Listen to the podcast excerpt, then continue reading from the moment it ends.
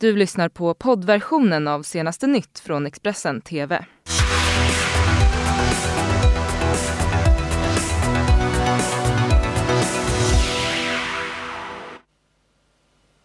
God morgon och välkommen till senaste nytt med mig Karin Bülow Worge. Det här är morgonens rubriker.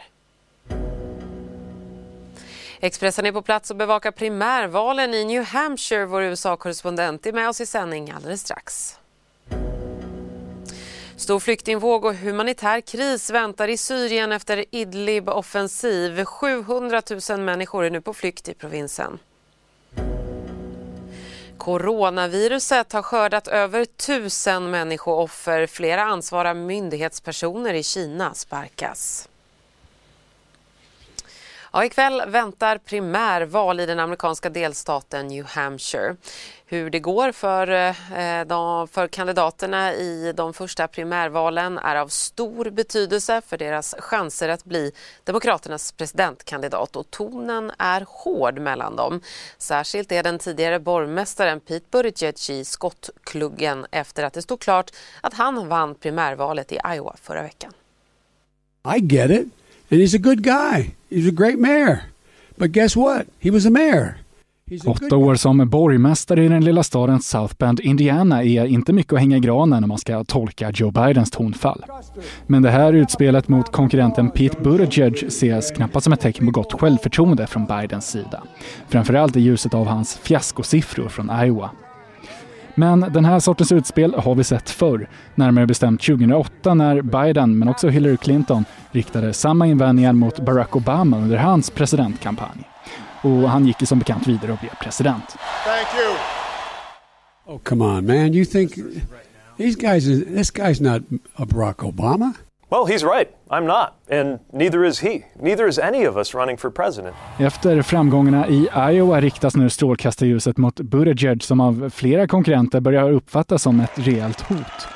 Som Bernie Sanders som menar att Major Pete är de förmögnas marionett. I'm running against some guys, Pete Buttigieg among others, who have raised campaign funds from over 40 billion, 40 billionaires.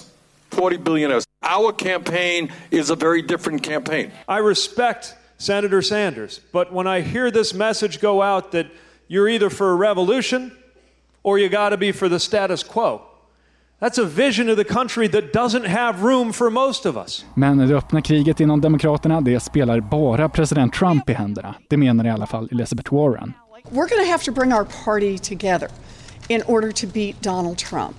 And the way we do this is not by launching a bunch of attacks on each other and trying to tear each other down.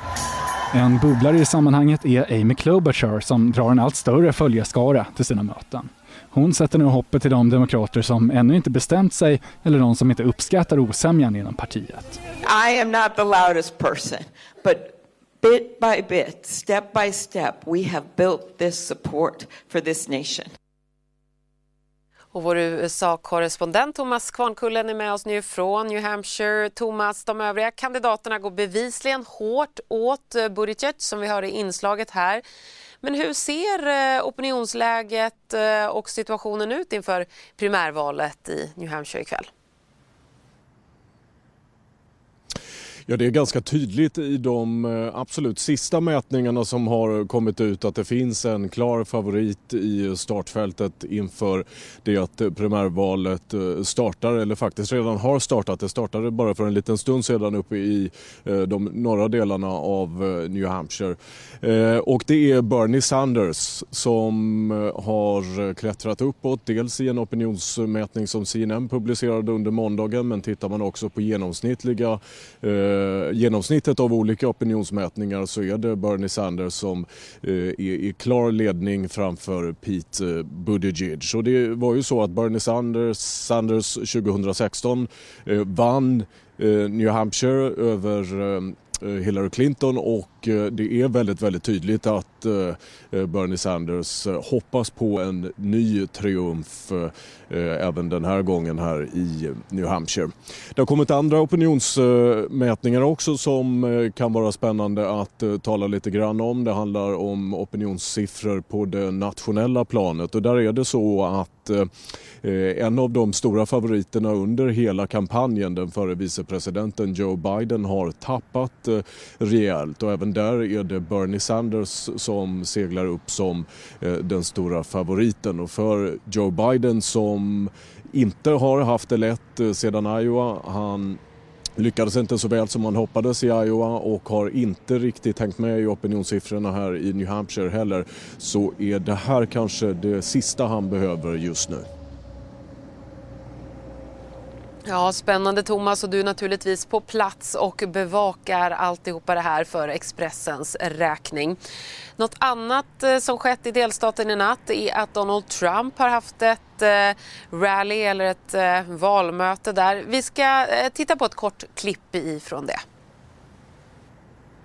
We hear that there could be, because you have crossovers in primaries, don't you?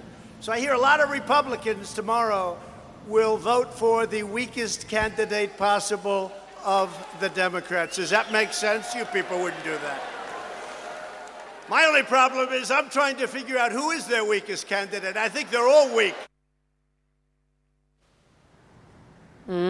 Ja, Donald Trump gör bevisligen narr där av sina potentiella motståndare, kallar dem för att de alla är svaga. Men det låter ju ändå som att eh, kan det där verkligen hända, Thomas, att eh, Republikanerna helt enkelt eh, röstar på den demokratiska kandidat som de anser har sämst chanser att utmana Trump?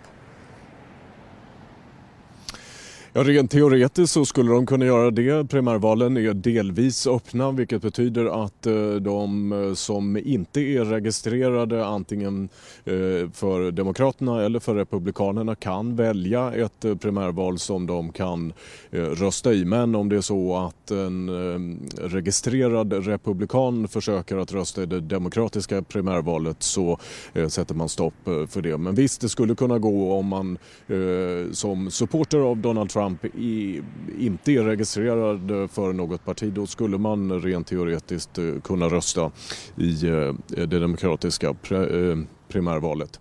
Under Donald Trumps Eh, kampanjmöte här i eh, Manchester i New Hampshire så eh, talades det också en hel del om Demokraterna. Det brukar ju låta på det viset när Donald Trump har kampanjmöten. Det var bland annat handlar det ganska mycket om det som hände i förra veckan i senaten i Washington när Donald Trump blev frikänd efter riksrättsrättegången. Han hånade representanthusets talman Nancy Pelosi och det var också en republikan som blev utbuad under eh, kampanjmötet här. Mitt Romney, den enda republikanen som röstade för att Donald Trump skulle eh, finnas skyldig på en av åtalspunkterna som nämndes vid namn av, namn av presidenten och sedan blev eh, utbuad. Man kan också nämna att Donald Trump såklart tog tillfället i akt Eh, och hånade Demokraterna efter röstningskaoset i Iowa i förra veckan. Man lyckades ju inte på flera dagar få fram ett slutgiltigt resultat efter nomineringsmötena i eh, delstaten. Tack så mycket för det, Thomas Kvarnkullen. Vidare nu till andra nyheter. Totalt har över 42 000 personer smittats av coronaviruset världen över och fler än 1000 människor har dött. De flesta hemmahörande i kinesiska Hubei och Wuhan. Och nu sparkas ledningen för hälsomyndigheten i den värst drabbade provinsen Hubei. Det rapporterar flera lokala medier. Det öde som drabbat de närmare 4 000 passagerare som sitter i karantän i japanska Yokohama ombord på kryssningsfartyget Diamond Princess har väckt uppmärksamhet världen över. 130 personer ombord har testat positivt för coronaviruset. Samtidigt som smittan sprids får ingen lämna skeppet, något som givetvis väcker starka känslor bland passagerarna. I drygt en vecka har nu över 3 700 personer varit fast på kryssningsfartyget Diamond Princess i Yokohamas hamn i Japan. Det var efter att en 80-årig man från Hongkong som klivit av kryssningsfartyget i Kagoshima visat sig vara smittad av viruset som fartyget sattes i karantän. Sedan dess har antalet smittade på båten fortsatt att stiga. Samtidigt stiger tristessen bland passagerarna ombord. Något man kan följa i sociala medier. Yardley Wong är en av dem som uppdaterar flitigt om vistelsen ombord och som på sin Twitter visar hur hon lärt sig origami för att få tiden att gå. Utöver det tillhandahåller även rederiet Princess Cruises tidningar på 36 språk, åtta nya tv-kanaler och ibland så får passagerarna lämna de 15 kvadratmeter stora hytterna för att få hämta frisk luft uppe på däck. We can feel the freedom here, a freedom of breathing air, the freedom of, you know, interact with human being. Varje dag lagas dessutom en trerätters middag som passagerarna kan få via room service. Fartyget kommer fortsätta hållas isolerat från omvärlden fram till den 19 februari. Men karantänen kan komma att förlängas för de som varit i kontakt med de som diagnostiserats med smittan på fartyget. Utöver Diamond Princess är ytterligare två fartyg i Stilla havet satta i karantän. Över 700 000 människor har enligt FN drivit på flykt efter den senaste tidens regeringsoffensiv mot Idlib-provinsen i Syrien. Och igår skedde regelrätta strider mellan syriska regeringsstyrkor och turkiska soldater i Idlib, de syriska regimkritiska rebellernas sista fäste i landet. Som ett svar på att fem turkiska soldater dödades i artilleriattacker slog Turkiet till mot över tusen mål också. Det rapporterar Sveriges Radio. Flera personer ska ha dödats i ett självmordsdåd i Afghanistans huvudstad Kabul nu under morgonen. Dådet inträffade vid Marshall Fahim Military Academy, ett försvarsuniversitet som drivs av regeringen, det rapporterar Reuters. Ingen grupp har ännu tagit på, tagit eh, på sig ansvar för dådet. Kriminalvården ska utöka antalet säkerhetsklasser på svenska fängelser från dagens tre till fyra. En utredning om hur det här ska gå till pågår och förändringen ska vara på plats i slutet av nästa år, vilket P4 Halland var först med att berätta. Rent praktiskt innebär förändringen bland annat att säkerhetsklass 2, där 26 anstalter återfinns idag, delas upp i två klasser. Hur många och vilka anstalter som berörs är ännu inte klart. Men det är det dags för vädret.